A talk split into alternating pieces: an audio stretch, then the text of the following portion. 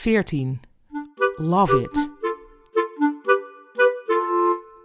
Na het incident met Juliette had Cavia besloten dat ze het leven voortaan op haar eigen voorwaarden ging leven, te beginnen met het afdwingen van de lente. De vorst zat weliswaar nog in de grond, maar dat deerde niet. Ik zat erover te denken om dit weekend te gaan wandelen een dagje, zei ze tijdens de lunch. Oh, wandelen! Love it, riep Roy. Ik ga mee, goed? Lekker uitwaaien. Wie gaat er nog meer mee?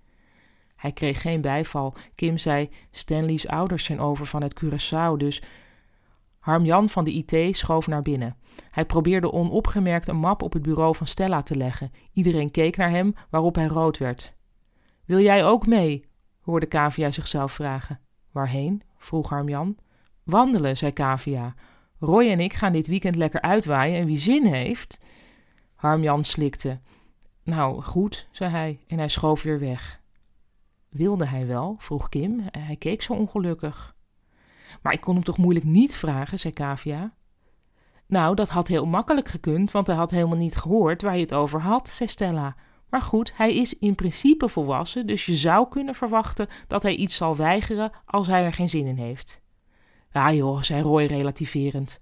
Ook al wil hij het niet echt, het is wel goed voor hem. Even de wind door de haartjes. Hoofdstuk 15 Brandgans Het was een vreemd gezelschap, Kavia, Roy en Harm-Jan. Ze liepen door een polder of een kwelder. Kavia had het informatiebord wel bekeken, maar niet echt in zich opgenomen. De NS-wandeling had het drietal eerst door een post-apocalyptisch recreatiegebied gevoerd, vol aangelegde vennetjes met enge, verlaten strandjes. Kavia telde wel drie verkrachterstunneltjes. Roy was er niet mee bezig, die werd continu gebeld door allemaal vrienden, tegen wie hij steeds zei: Nee, aan het wandelen. Ik ben aan het wandelen. Can you believe it? Ik ook niet. Toen de omgeving er eindelijk uit begon te zien als een schoolplaat, was Kavia in haar hoofd aan het luisteren naar een zelfverzonnen mantra. Elke stap is een stap dichter bij het station. Harm zei helemaal niets. Misschien liep hij ook naar een mantra te luisteren. Ze kwamen langs een veldje waar ganzen met zwarte nekken in de grond aan het porren waren. Het zag er gezellig uit. Kijk, ganzen, zei ze tegen Harmjan. Om precies te zijn, brandganzen, zei Harmjan.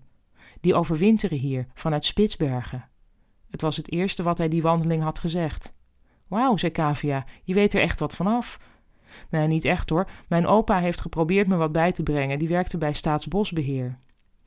Kavia had het niet verwacht, maar de rest van de wandeling was het best gezellig. Roy belde vrolijk door en Harmjan vertelde over zijn lievelingsvogels.